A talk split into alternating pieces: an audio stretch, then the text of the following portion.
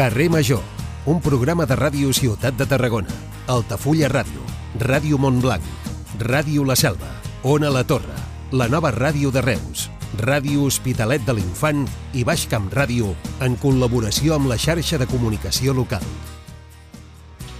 Hola, bona tarda. Avui fem el programa 1140 de la història de Carrer Major, aquest magazín territorial que us oferim des de 8 emissores del Camp de Tarragona. I avui fixarem, entre altres coses, la mirada en el recompte de persones sense sostre que s'ha fet aquesta nit a Tarragona i que ha permès localitzar 78 persones que dormen al carrer i també algunes d'elles en albergs. L'acció estava coordinada per l'Ajuntament i han pres part una vuitantena de voluntaris en col·laboració amb Protecció Civil, Creu Roja i Guàrdia Urbana. En aquest recompte s'han localitzat 60 persones concretament dormint al carrer, 49 eren homes, 4 dones i en 7 dels casos no s'ha pogut acabar de determinar. A banda, s'han comptabilitzat 18 individus eh, que ahir a la nit van dormir en un alberg. Darrere de cadascuna d'aquestes persones hi ha una història personal que els ha deixat sense llar, com en Genís, un tarragoní que des del mes de març que viu al carrer. Dorm a la part alta, amb tres homes més que es troben en una situació similar.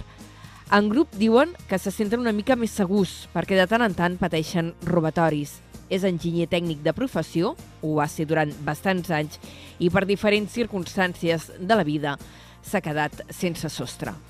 Drames que vivim aquí, a casa nostra, i drames internacionals no cal ni que us expliquem.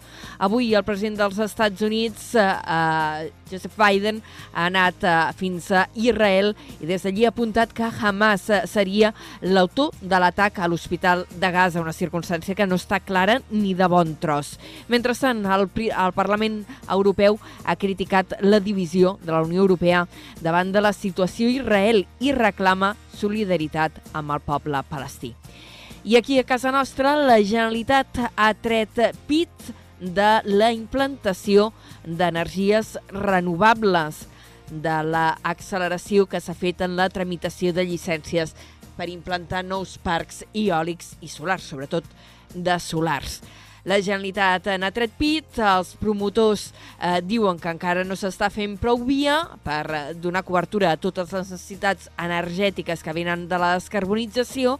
I mentrestant al territori, ja ho sabeu, i aquí a casa ens toca ben de prop recels quan toca eh, instal·lar un parc fotovoltaic o un parc solar en terrenys municipals notícies, temes que tractarem avui, a avui en aquest programa, en què també parlarem de turisme, som Carrer Major, som les emissores del Camp de Tarragona, us acompanyem l'Iri Rodríguez, l'Aleix Pérez, en David Fernández, la Gemma Bufies, amb Miquel Llaveria, l'Adrià Requesens, en Jonai González, en Pau Corbalan, l'Antoni Mellado, Antoni Mateos, l'Anna Plaça i el Iago Moreno. Comencem.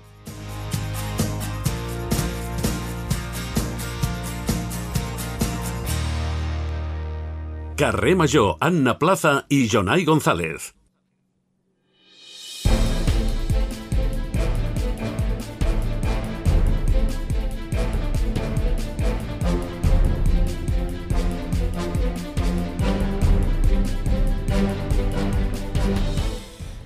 Són les eh, 4 i 7 minuts, justament ara acaba de saltar el minut. Eh, saludem en Jonai González, bona tarda. Molt bona tarda. I anem a repassar els titulars més destacats avui al Camp de Tarragona. Comencem amb aquest recompte de persones sense sostre que s'ha fet aquesta nit a Tarragona ciutat i que ha permès localitzar 78 persones que dormen al carrer d'habitual. L'acció estava coordinada per l'Ajuntament i hi han pres part una vuitantena de voluntaris en col·laboració amb Protecció Civil, Creu Roja i Guàrdia Urbana. Més eh, qüestions eh, que tractarem d'aquí mitja hora a l'informatiu. El jutjat de Guàrdia de Reus ha decretat pressió provisional comunicada i sense fiança per l'home acusat de matar-ne un altre a Reus diumenge passat. L'home va ser arrestat en un bar de la localitat poc després dels fets. La causa està oberta pel delicte d'homicidi. Els turistes britànics creixen un 35% a Catalunya durant el primer semestre d'aquest 2023, si bé encara no s'han recuperat les xifres prèvies a la pandèmia i al Brexit. Les dades s'han presentat avui a Saló en una jornada de treball de l'Agència Catalana de Turisme amb representants del sector. Tot i la sequera, les cooperatives catalanes calculen que la campanya d'oli s'incrementarà un 30%, però encara serà encara un 40% inferior de la mitjana. Així, la collita podria augmentar fins a les 20.000 tones al conjunt de Catalunya davant del 15.000 de l'any passat, però encara lluny de les 32.000 que hi ha de mitjana. La Universitat Rovira i Virgili situa 54 investigadors entre els més influents del món. La URB se situa així com la tercera universitat de l'estat espanyol i de Catalunya amb un índex més alt d'investigadors respecte al personal docent i investigador permanent de cada universitat. També farem crònica municipal, situant-nos primer lloc a Tarragona, on el portaveu de Junts, Jordi Cendra, planteja endurir les multes per excés de velocitat i per l'abocament incontrolat de residus. Per la seva banda, en Comú Podem presentarà tres mocions al ple de Tarragona d'aquest divendres. I el ple de Torre d'Embarra, que se celebrarà demà dijous, preveu aprovar el projecte de millora dels accessos al futur centre d'atenció primària. Els treballs afectaran un tram de 300 metres de l'antiga carretera de la Riera i es preveu una inversió de mig milió d'euros i les obres duraran 8 mesos. I en cultura destacarem que la ciutat de Tarragona estrena un nou concert solidari. Es diu, o rep el nom, de Mama Pop. L'objectiu és recaptar fons per projectes d'investigació contra el càncer de mama. Doncs aquest és el repàs de titulars. D'aquí mitja hora aproximadament repassarem amb detall aquestes notícies. Jonai, fins després. Fins després.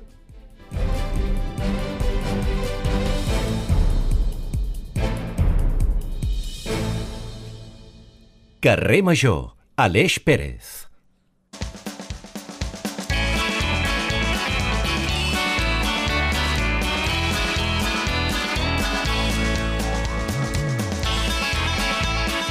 En 3 minuts, 4 encara no, hem repassat els titulars i ara en 3 o 4 minutets més. Aleix Pérez, bona tarda.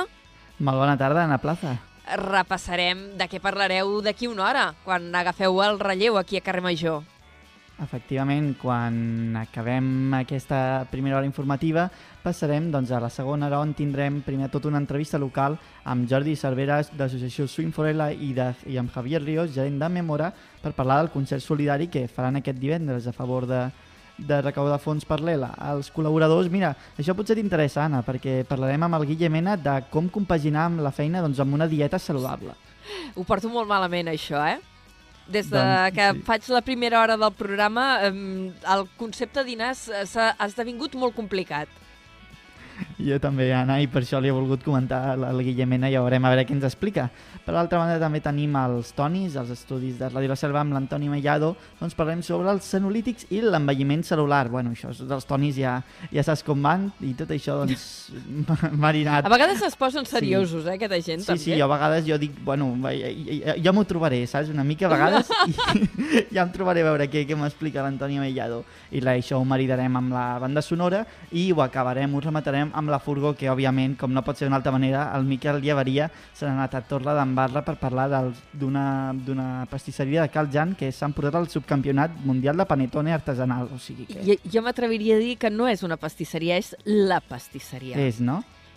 Tu Uf. que, que et cau més a prop, què, què, què, jo què me'n pots l'any dir? passat eh, vaig tastar els panetones, em vaig comprar, he de dir que és car, però quan el vaig tastar vaig pensar que el preu estava justificat no al següent nivell, és de llàgrima. Impressionant. Jo crec que la, la producció ha sortit sola aquí en aquest tema, el Miquel Llevaria. Ah, crec Miquel Llevaria estava encantadíssim, eh? I, I em tant, sembla que l'han tractat molt bé, a més. Sí, sí. Doncs moltíssimes gràcies, uh, Aleix. Ens, ens escoltem després, a partir de les 5. Passo el relleu. Adéu, vagi bé. Fins ara... Cada tarda de dilluns a divendres fem parada a Carrer Major.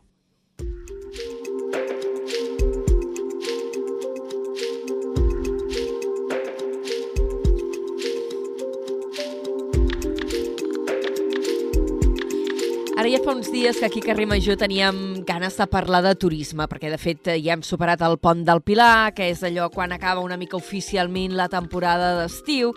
Teníem ganes de fer balanç i per això hem fet una trucada a la Berta Cabré, que és la presidenta de la Federació Empresarial d'Hostaleria i Turisme a la província de Tarragona. Senyora Cabré, bona tarda. Hola, molt bona tarda.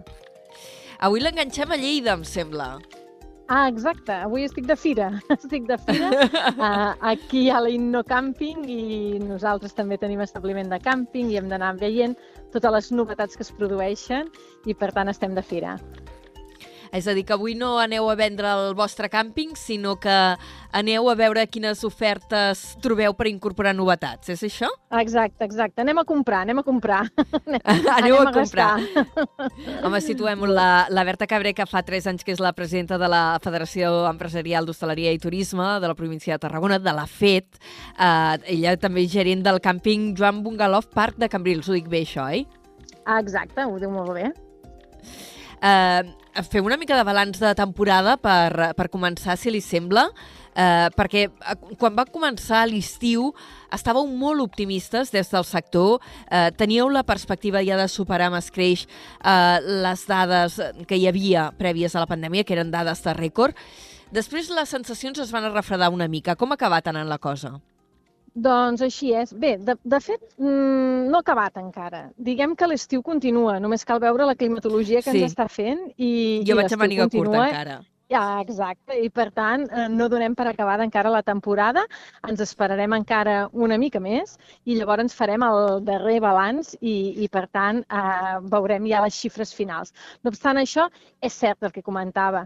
Vam començar amb una eufòria perquè la veritat és que aquest any, els mesos de gener, febrer, març, el nivell de reserves havia anat molt accelerat, teníem uh, un nivell de, de reserves altíssim de cara a l'estiu molt bé també, Setmana Santa molt bé, va arribar Setmana Santa, Setmana Santa va tenir un comportament molt bo, això ens feia mantenir aquestes expectatives altes, però és cert que quan va arribar la primavera, a meitat del mes de maig aproximadament, vam notar una, una aturada doncs, més, més generalitzada a nivell de reserva i això es va anar frenant i va anar alentint aquesta reserva portant-nos amb unes, amb unes dades al final que s'han assimilat a les del 2019, que no són males xifres, perquè hem de pensar que és el primer any que no tenim Covid, és el primer any de recuperació i que, per tant, eh, tornem a la normalitat. I hem passat del zero amb aquesta normalitat doncs, en un any. No? I, per tant, uh -huh. tampoc són males xifres. I com que la temporada està allargant, doncs, a veure com acabem. Eh, dieu, dieu que la temporada no ha acabat. No sé si això també es reflecteix en els establiments que continuen obert, perquè normalment a partir d'aquestes dates és quan comença el declivi no? de, de molts establiments turístics, sobretot aquests que tenen més activitat per temporada alta, que comencen a tancar. A, en quin moment estem ara? És cert, és a dir, hem començat una, un, lleuger, un primer lleuger tancament d'alguns establiments, però hem de pensar que hi ha diverses cadenes hoteleres que el que fan és concentrar la demanda i si poden tancar un establiment, doncs millor, perquè al final la despesa doncs, es redueix. No? I per tant trobem aquests primers tancaments que són més orientats en, aquests, en aquestes cadenes doncs, que concentren. No? De, després tenim una sèrie d'establiments que continuen tots oberts, que segurament doncs, veurem un tancament passat eh, tot tots sants, no? I llavors, a partir de tots sants sí que ja comença a haver un tancament més globalitzat i queda un gruix d'establiments que cada vegada és més, també ho hem de dir, que es manté obert, que es mantindrà obert fins al desembre i, per tant, continuaran oberts tot l'any i empalmaran doncs, a partir de gener i esperaran l'obertura dels següents, que ja serà per la temporada de Setmana Santa, que aquest any vinent és molt aviat i, per tant, al mes de març veurem moltíssimes obertures. I quines previsions teniu per aquest eh, pont de tots sants o és prematur ara parlar-ne? Bé, no, la veritat és que... falten dues setmanes. Ah, sí, la veritat és que Tots Sants eh, s'ha ampliat. No, no, no parlem només del pont de Tots Sants, sinó que parlem una mica del, del fenomen Halloween. No? Una mica PortAventura ens hi ha portat, ens va, ens va obrir les portes en aquest producte i és una experiència que al client doncs, eh, li agrada i que ens hi hem sumat als establiments que estem oberts tots en aquest període. No? I per tant, qui més qui menys tothom celebra Halloween i per tant aquest Halloween es tradueix a que no parlem només d'un pont, que seria el pont clàssic de Tots Sants, setmanes, sinó que s'extén normalment com a mínim a unes tres setmanes, a uns tres caps de setmana i, i molts aquest any Uh, per la situació de, de dates, molts s'ha començat aquest Halloween al Pont del Pilar i acabarà doncs, a Tots Sants. No? I, per tant, eh, podem dir que, que en aquest període les ocupacions estan sent bones, estan sent molt bones, ocupacions que ronden el 80% i, i que, per tant, eh, podem dir que, que estem vivint un Halloween doncs, a la Costa Daurada d'una manera molt extraordinària. Ara has esmentat a Port Aventura. Eh, de fet, enguany també s'ha donat un fet excepcional, que és que per primera vegada a Port Aventura ha tancat molt menys temps eh, a l'hivern passat, eh, perquè van obrir ja per Carnaval. Això us ha ajudat també a allargar temporada o el, els establiments de fora al recinte del parc temàtic, diguéssim, no ho heu notat tant? Sí, sí que ho hem notat. Port Aventura és un motor tractor del que ens passa a la zona i el fet de que Port Aventura estigui obert ja tots els mesos de l'any és una font inspiradora per poder dir que som un destí de 365 dies l'any. Una reivindicació que ja portem temps dient-ho i que, i que estem convençuts que a la Costa Daurada i a les Terres de l'Ebre hi ha activitat eh, experiencial d'allotjament turístic per tot l'any i, i PortAventura ens mostra que això és així. No? Aquest any ja podem dir que estan oberts tots els mesos i esperem que a la llarga podem dir que estan oberts tots els dies. I us inquieta aquesta possibilitat de venda per part dels inversors del parc? És una notícia que va transcendir en mitjans eh, d'àmbit econòmic, potser fa unes tres setmanes o un mes, eh, que va generar un cert bum-bum en un primer moment al sector turístic. Com, com la vau rebre, aquesta notícia de la qual mm, es, es parlava d'especulacions, eh, més que d'un fet sí. o d'una dada concreta.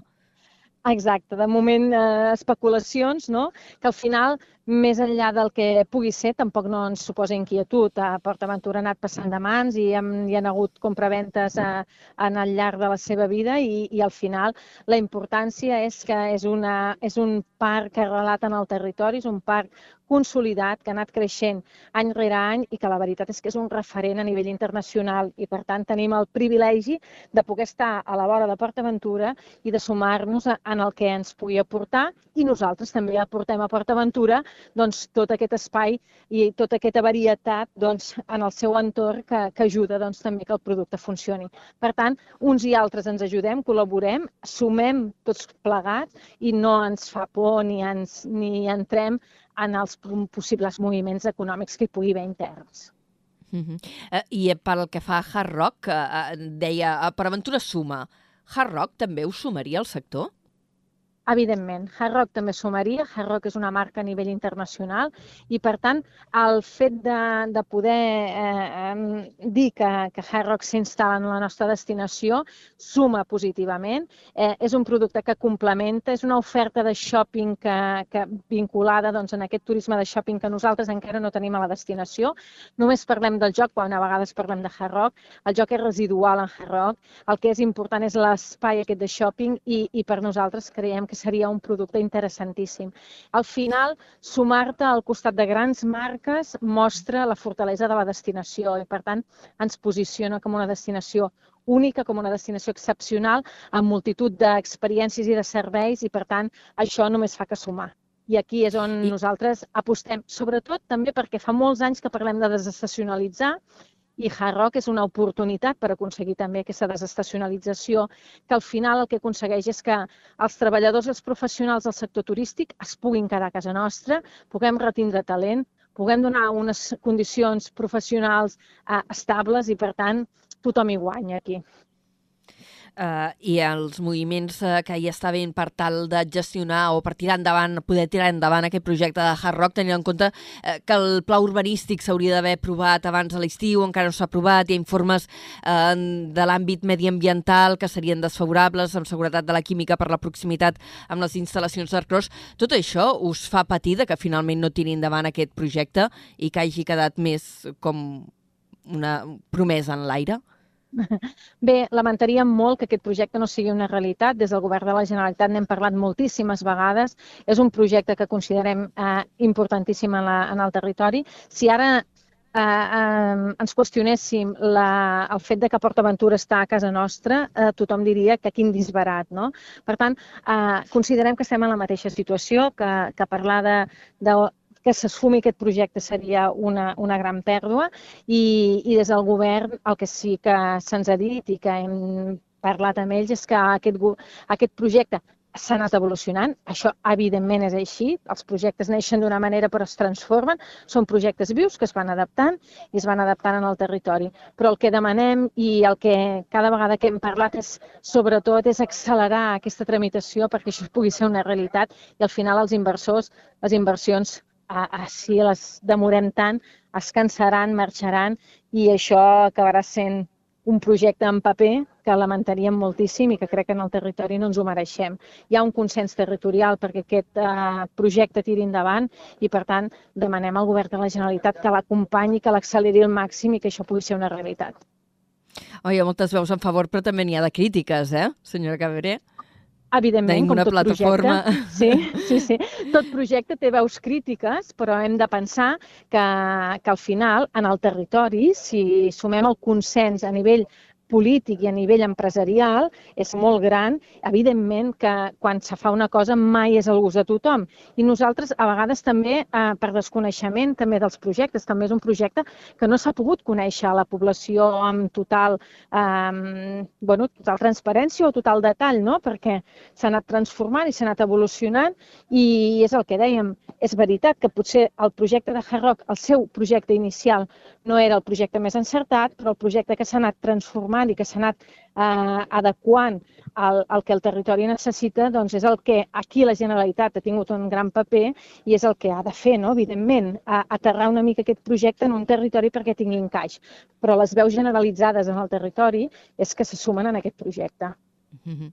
Senyora Cabré, abans d'acomiadar-la, avui eh, sabem que vostè està a Lleida, eh, però avui a Salou també hi havia una jornada de treball molt interessant en què hi, anava, hi ha anat precisament el portaveu de, de la federació que vostè presideix, en Javier Guardià, en què hi havia eh, representants de diferents eh, àmbits de l'Agència Catalana de Notícies, representants d'aquesta agència en diversos països o àmbits sí. geogràfics d'arreu de, del món, i s'hi han donat xifres, com per exemple eh, que el, els turistes britànics han crescut un 35% a Catalunya durant el primer semestre d'enguany, però encara queden lluny d'aquestes xifres prèvies a la pandèmia i, i el Brexit. Heu, heu tingut ja possibilitat d'intercanviar impressions amb en Javier Guardià o encara no? Sí, sí, bueno, de fet, eh, jo mateixa també hi he estat. He estat present ah, a les dues primeres allò, hores. pim-pam, molt bé. Després he hagut de marxar ràpidament i no he, no he atès els mitjans, però, però sí que he pogut perquè, perquè era una jornada molt interessant. Teníem els, els CPTs, que són els centres, les persones de, del govern de la Generalitat, les persones del nostre país que estan en cada un dels països que ens porten visitants i, per tant, tenen un contacte directe del que, del que demana el visitant no? I, del que, i de la percepció doncs, des de, des de l'origen. No? I per tant era molt interessant escoltar-los. La veritat és que ha estat, ha estat una, unes intervencions superinteressants i ho hem pogut ho hem pogut veure no? en els diferents mercats, una mica la transformació dels diferents mercats. Un mercat britànic que és veritat, que s'està recuperant i que a poc a poc anem aconseguint les xifres, però, per exemple, una crescuda del mercat irlandès, que l'hem pogut veure amb una destinació que agrada moltíssim i que, per tant, està en ple creixement, de la mateixa manera que el mercat alemany també està creixent i amb possibilitats d'un mercat com pot ser el polonès. No? I això avui n'hem pogut parlar. Això m'ha sorprès, que ho destacàveu, no? Sí. La potencialitat sí, d'aquest sí. mercat, del polonès, que seria un mercat així sí, que d'entrada com que no hi pensaries, no? Perquè tampoc és un país geogràficament és gran, però no penses en ell com un país eh, ric i emissor de turisme. Bueno, també en els seus inicis no parlàvem amb el mercat rus com a possibles clients a la Costa Daurada i després va ser un mercat importantíssim. Per tant, tots els mercats que puguin ser, que, que desperten un cert interès i poden tenir un potencial important a la Costa Daurada. I avui en parlàvem, no? el mercat polonès és un d'ells, amb un potencial creixent i amb, un, amb, bé, amb una forma de veure la Costa Daurada d'una manera molt bona, eh, agrada eh, i, per tant, amb possibilitats. Mm, hem d'apuntar nous mercats, també. Eh, destacàveu en aquest cas del mercat polonès que cada vegada tenen més disponibilitat econòmica per venir a establiments de 3 o 4 estrelles, que són els que predominen aquí al nostre territori, i que també els interessa eh, el tema cultural, amb la qual cosa en Tarragona hi troben molta potencialitat. Tarragona, Reus... De fet, hem, hem vist que la majoria dels mercats internacionals els hi desperta l'interès no només per la nostra destinació com a destinació de costa, sinó per tot el complement que és la nostra destinació, la gastronomia, la enogastronomia, la cultura, el paisatgisme, la natura, la, la part eh, d'esports, no? aquest turisme actiu. Per tant, tot això ho han destacat en els diferents mercats internacionals i creiem que és una potencialitat a posar en valor perquè realment és el que ens distingeix d'altres destins més tradicionals de, de platja. I, I una altra reivindicació que ha fet el, el seu portaveu, en Xavier Guardià, i que suposo que ara vostè m'ho explicarà en més detall, és aquesta reclamació de més turoperadors eh, a l'aeroport de Reus.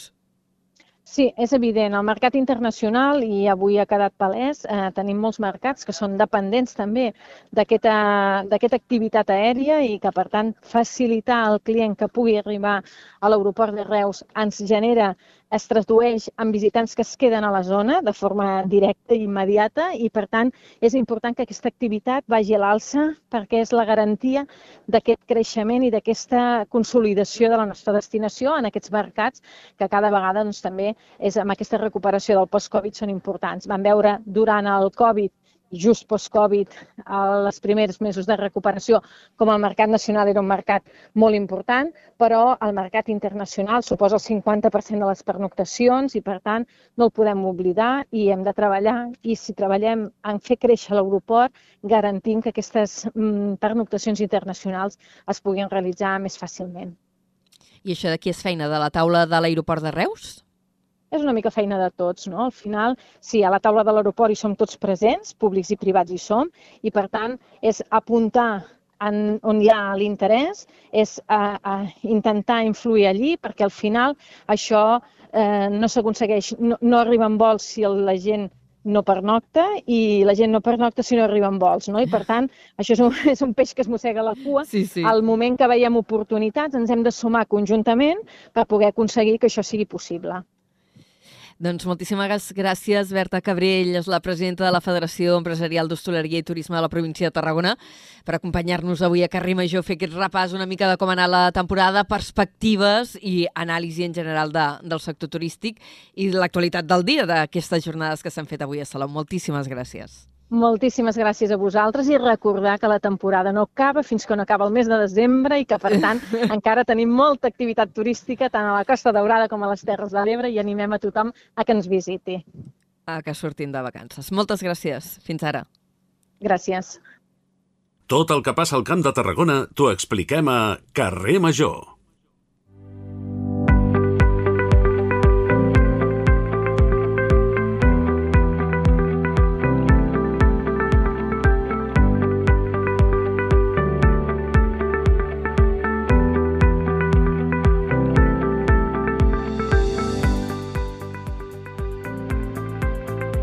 Continuem amb Carrer Major. Avui tenim com a analista eh, una persona que és una veu habitual del programa. El vam tenir fent radioteatre fa un parell de, de temporades i enguany ja li vam dir que algun dia el trucaríem perquè, per analitzar l'actualitat o, o parlar de temes que puguin ser d'interès general. Estem parlant d'en Carles Marquès. Carles, bona tarda. Bona tarda. Carles Marquès, periodista, escriptor i també avui hem vist un tuit teu que a partir d'aquí hem pensat que t'havíem de trucar eh, reivindicant eh, que a Torredembarra eh, s'instal·li una pedra Stolperstein en memòria d'Esteve eh, Canyelles Margalló, eh, que va morir al camp de concentració de Gusen i amb qui eh, et vinculen també uns lligams familiars. Exactament, sí, des de, des de fa molts anys, cada cop que veig que inauguren una placa d'aquestes Stolperstein eh, per Catalunya, o vaja, coincideixo que, ho llegeixo a Twitter i tal, ho reivindico eh, perquè més enllà de que, evidentment, hi ha un eh, mural i es fa un homenatge eh, a la seva memòria cada any de Seva Canyelles Margalló, jo penso que seria convenient, diguéssim, que ens inscrivíssim en aquesta xarxa eh, europea d'aquestes eh, llambordes de la, de la memòria perquè això et, et situa. I a més, mal m'està el dir-ho, ara, ara permetem que, que faci així una mica el fatxenda, però ja fa molts anys que vaig estar, vam estar a Berlín i ho vaig veure allà i encara no hi havia cap eh, placa d'aquestes al, ni a l'estat espanyol ni a, ni a Catalunya i en aquell moment ja vaig començar, diguéssim, a, a, a demanar-ho. I ara ja n'hi ha centenars aquí. Sí, de, recentment se n'han instal·lat diverses arreus, per exemple, són les més recents, ara que, mm -hmm. que recordo, no? Eh, Exacte. Sí. Quin, quin és el sentit d'aquest homenatge, d'aquest reconeixement? Perquè estem parlant d'uns fets que van passar fa 80 anys. Eh, exactament, sí, en el cas eh, concret del, de l'Esteve, que és... 80 anys tirant de... curt, eh? Vull dir, segurament en alguns... Sí, sí.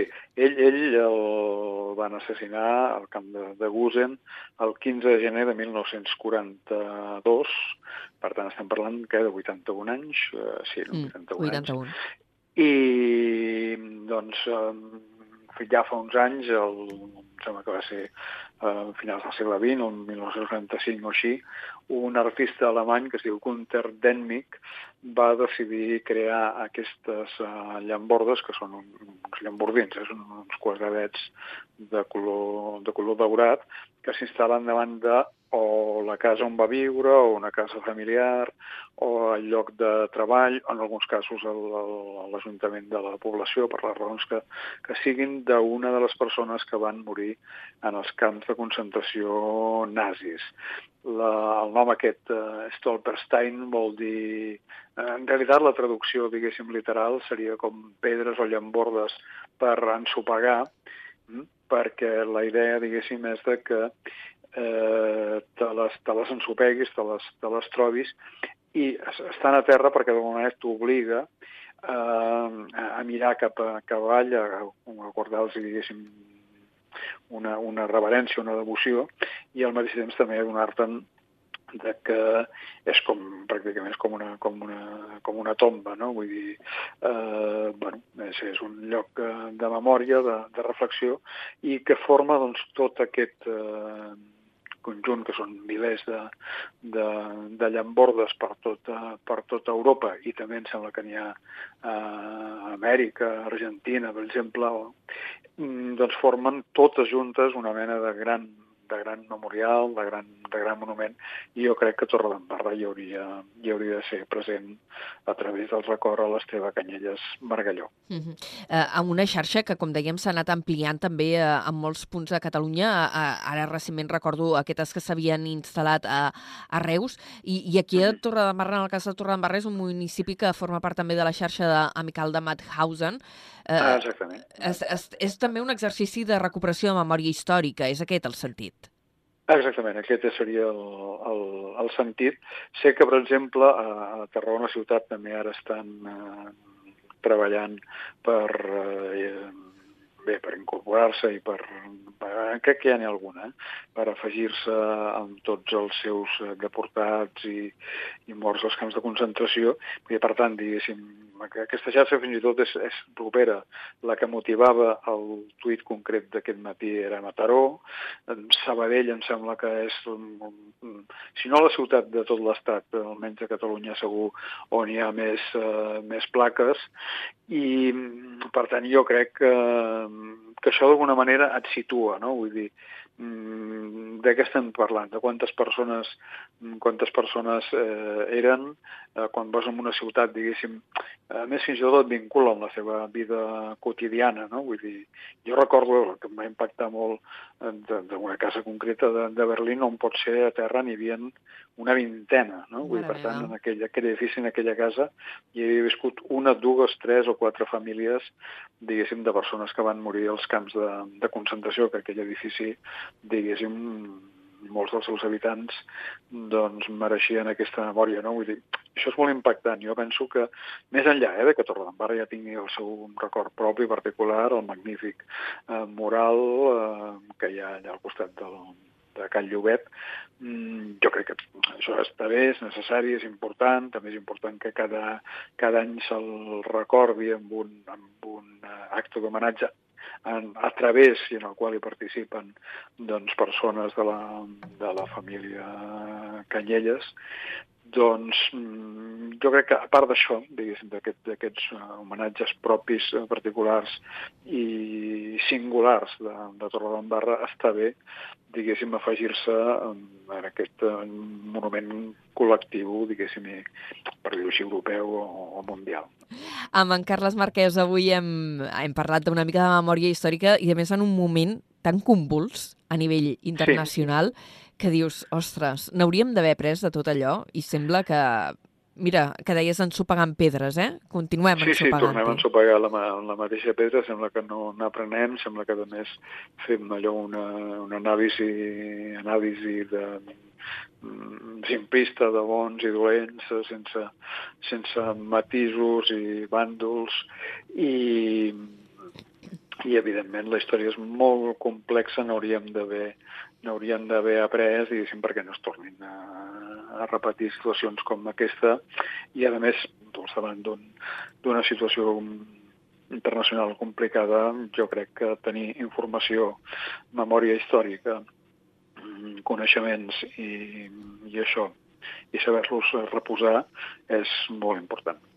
Carles, moltíssimes gràcies per haver-nos acompanyat avui. Eh, encantats de tornar-te a sentir a Carrer Major. Algun altre dia al llarg de la temporada segur que tornarem a parlar. Perfecte, doncs encantat. Ja, quan vulgueu, ja sabeu on soc. Una gràcies. abraçada. Fins ara. Igualment, fins ara. Estàs escoltant Carrer Major.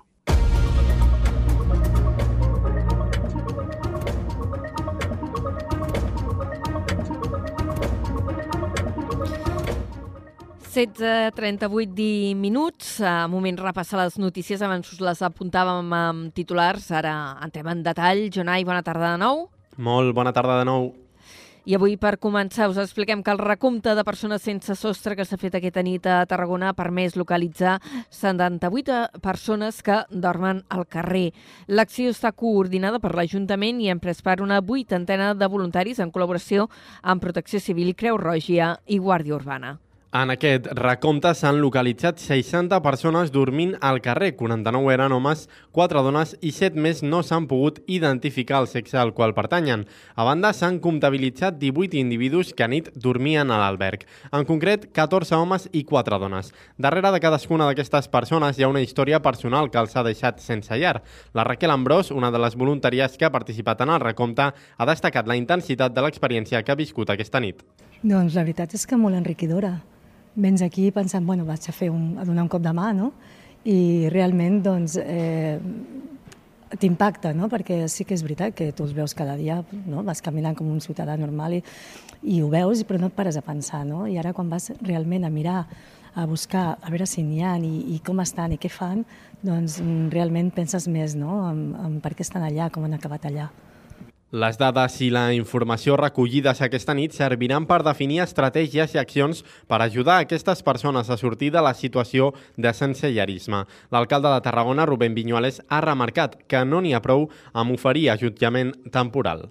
I també el que podem fer és, òbviament, tenir habitatge dotacional, que és el que també estem treballant des de l'Ajuntament de Tarragona amb aquesta eh, futura no? ajutament dotacional que tindrem al carrer del Mar i que ens ha d'ajudar també a pal·liar no? situacions d'emergència, però no és la solució, òbviament. No? Hi ha moltes entitats que ajuden cada dia a intentar pal·liar aquestes situacions que, que succeeixen a casa nostra, però hem d'anar més a l'arrel, no? més a l'arrel per tal de trobar solucions eh, que siguin definitives. Fins ara aquests recomptes es feien cada dos anys i ara passaran a fer-se cada any per tenir una millor radiografia de la situació. També us apuntem avui que el jutjat de Guàrdia de Reus ha decretat presó provisional comunicada i sense fiança per l'home acusat de, de matar-ne un altre a Reus el passat diumenge.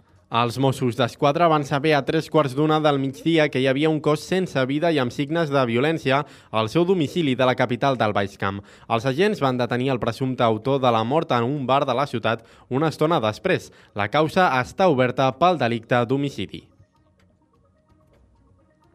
D'altra banda, avui en àmbit econòmic destaquem que els turistes britànics han crescut un 35% a Catalunya durant el primer semestre d'aquest 2023. N'hi ha hagut més d'1,3 milions. Tot i aquest creixement encara s'està lluny de les xifres prèvies a la pandèmia i el Brexit. Aquesta i altres dades s'han analitzat avui en una jornada de treball entre directors de l'Agència Catalana de Notícies, eh, de, de turisme, volem dir, perdó, i representants del sector turístic que s'ha fet a Salou. Entre els participants en aquesta trobada hi havia el director de l'Agència Catalana de Turisme al Regne Unit i Irlanda, Aikard Guinovart, que ha destacat que si bé no s'ha recuperat el nombre de turistes britànics, sí que ho ha fet el volum de despesa que realitzen quan venen aquí de vacances eh, sí que és cert que ha millorat respecte a l'any anterior, sense assolir les xifres prèvies a la pandèmia prèvies al Brexit. Hem de pensar que durant aquest temps al Regne Unit han passat diferents coses i tot i no recuperar-se eh, la quantitat de turistes, sí que s'ha recuperat i superat la despesa mitjana diària. En aquesta jornada de treball també s'hi ha parlat de la potencialitat de mercats emergents com el polonès. El portaveu de la Federació d'Hostaleria i Turisme de Tarragona, en Xavier Guardià, destaca que és crucial potenciar l'aeroport de Reus per captar nous mercats. És un país, ens deia també la representant de la Generalitat, és un país que fins ara demanava, deia que el seu client no tenia diners i volia dues estrelles. Aquí dues estrelles en queden molt pocs. Ara diu que ja comencen a demanar tres i quatre estrelles. Bueno, ja hi ha una obertura. I a més a més, tenim una altra cosa que és evident i és, seria absolutament necessària, l'hauríem de fer i la tenim, que és l'aeroport.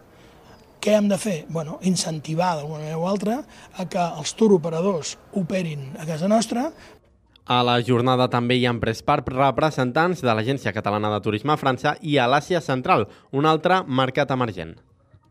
El govern català ha aprovat 1.600 megawatts d'energia renovable en dos anys. Des de l'octubre de 2021 s'ha donat llum verda a 110 instal·lacions solars i eòliques arreu del país, algunes d'elles aquí al nostre territori.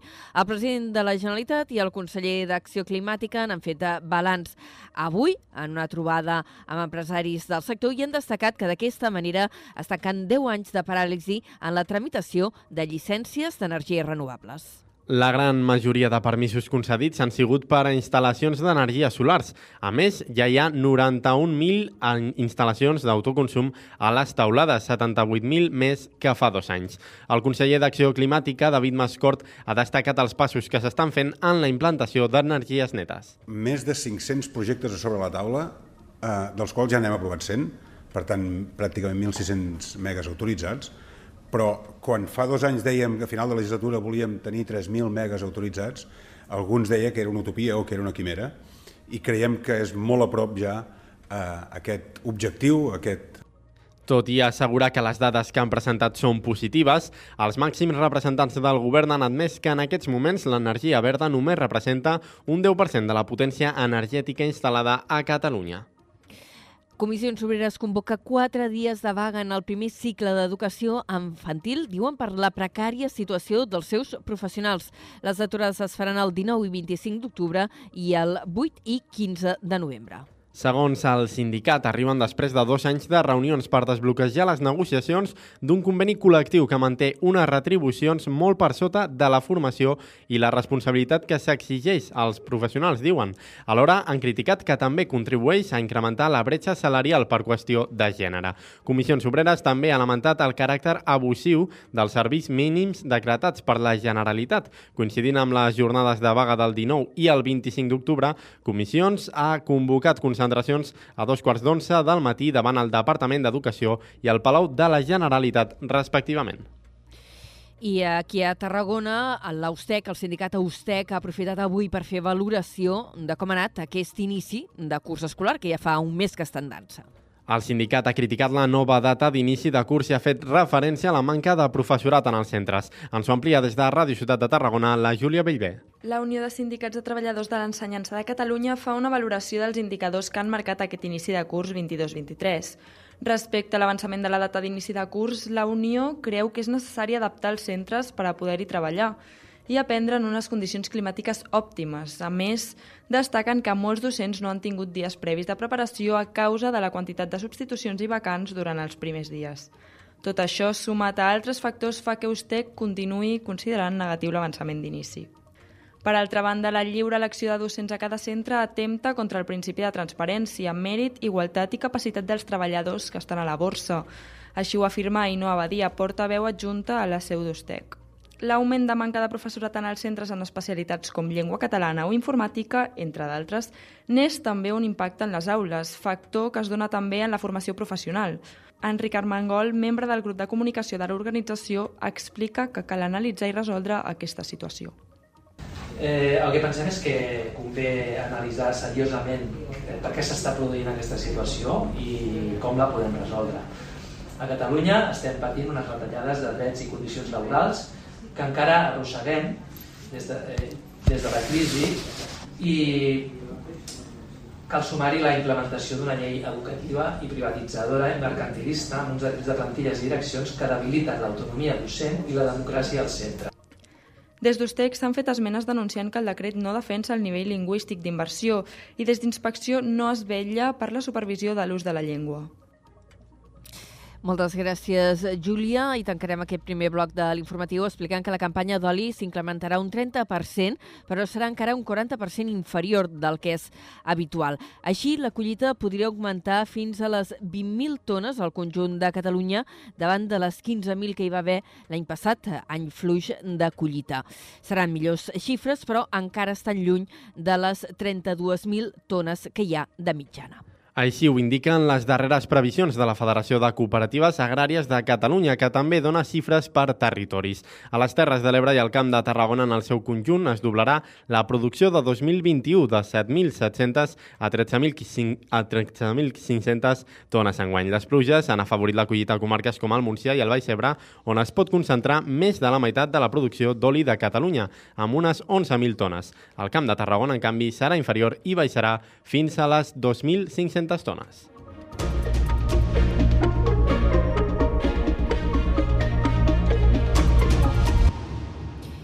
D'aquí 12 minuts seran les 5 de la tarda. La Universitat Ruri Virgili situa 54 investigadors entre els més influents del món. La URB se situa així com la tercera universitat de l'estat espanyol i de Catalunya amb un índex més alt d'investigadors respecte al personal docent i investigador permanent de cada universitat. La Universitat de Stanford actualitza aquestes dades de l'any 2022 amb el llistat d'investigadors més rellevants. La quantitat de cites amb què compta un article és un indicador de l'impacte que una determinada recerca té en la comunitat científica.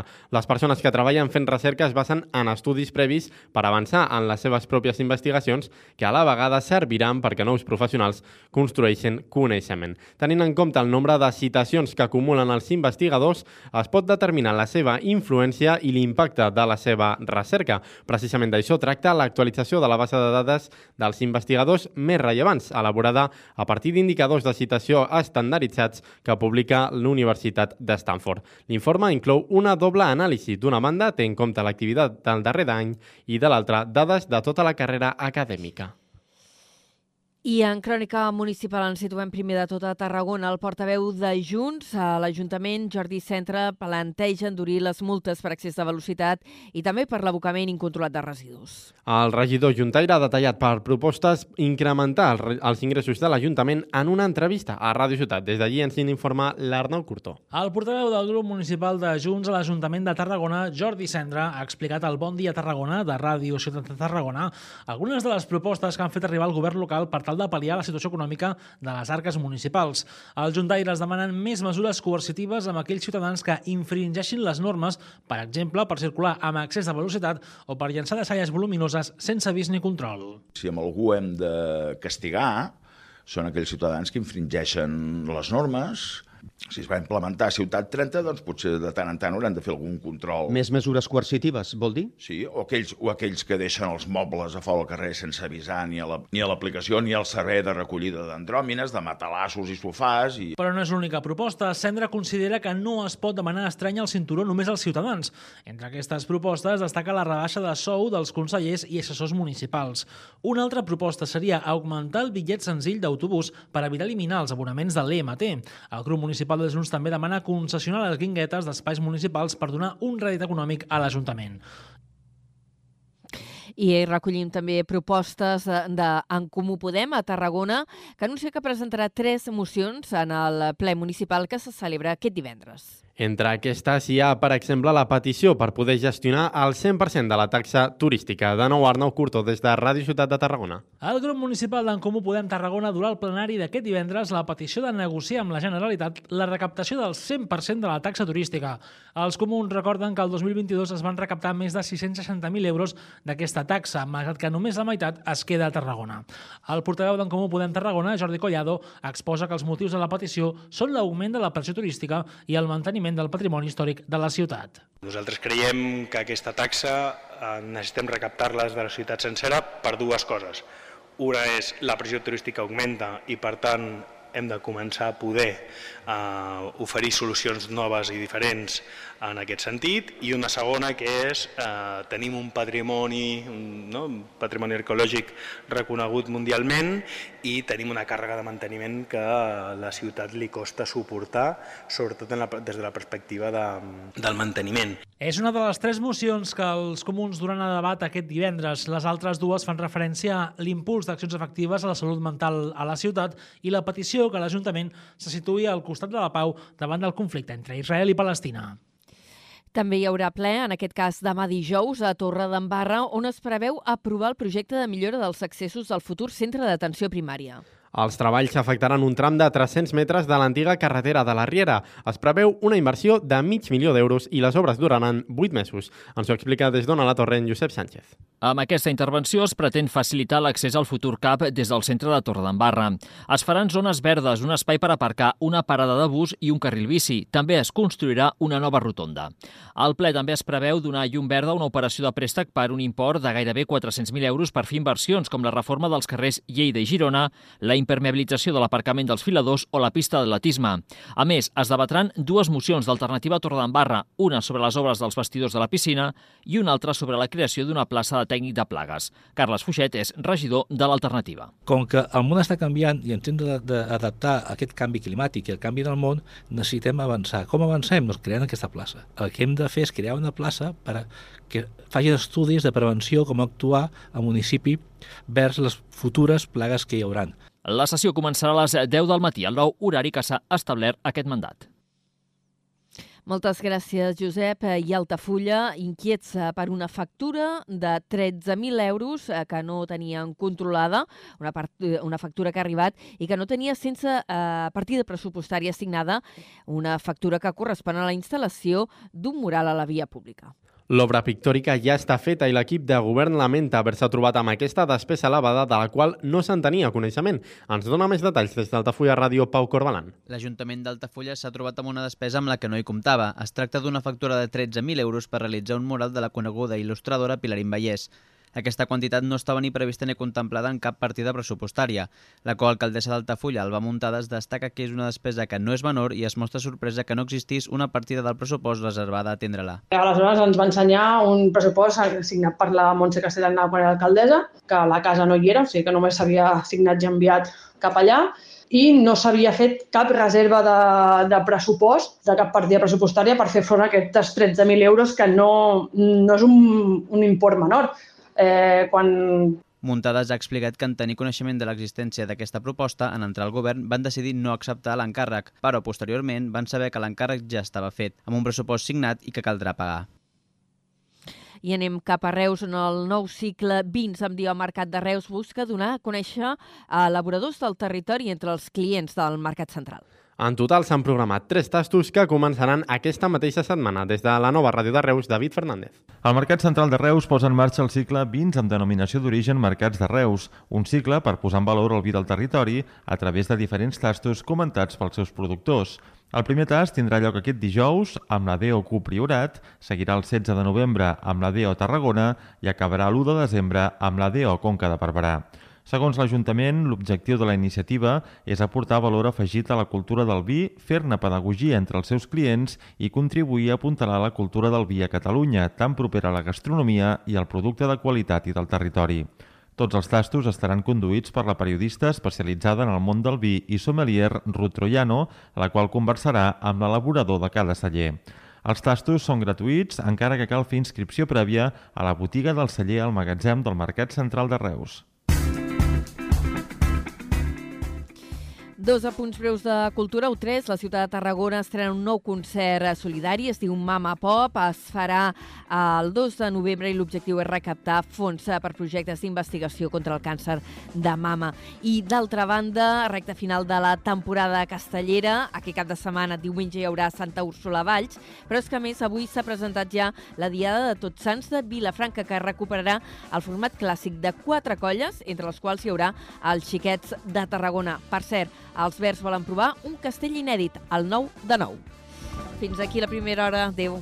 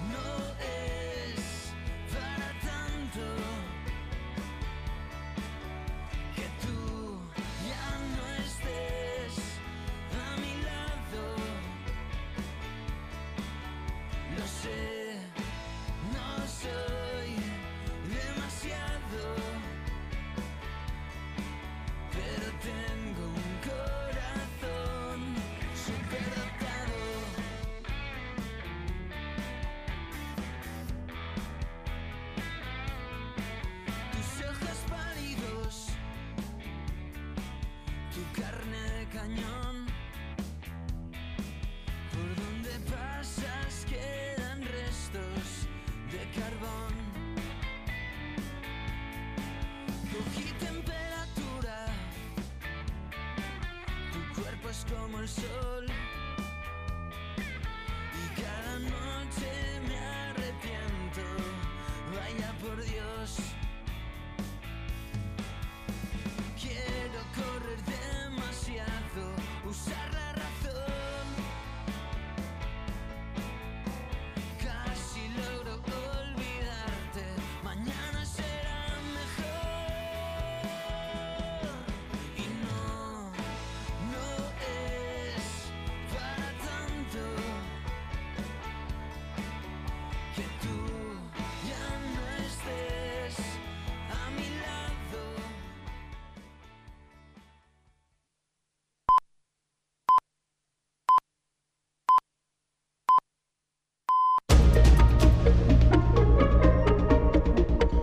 Notícies en xarxa.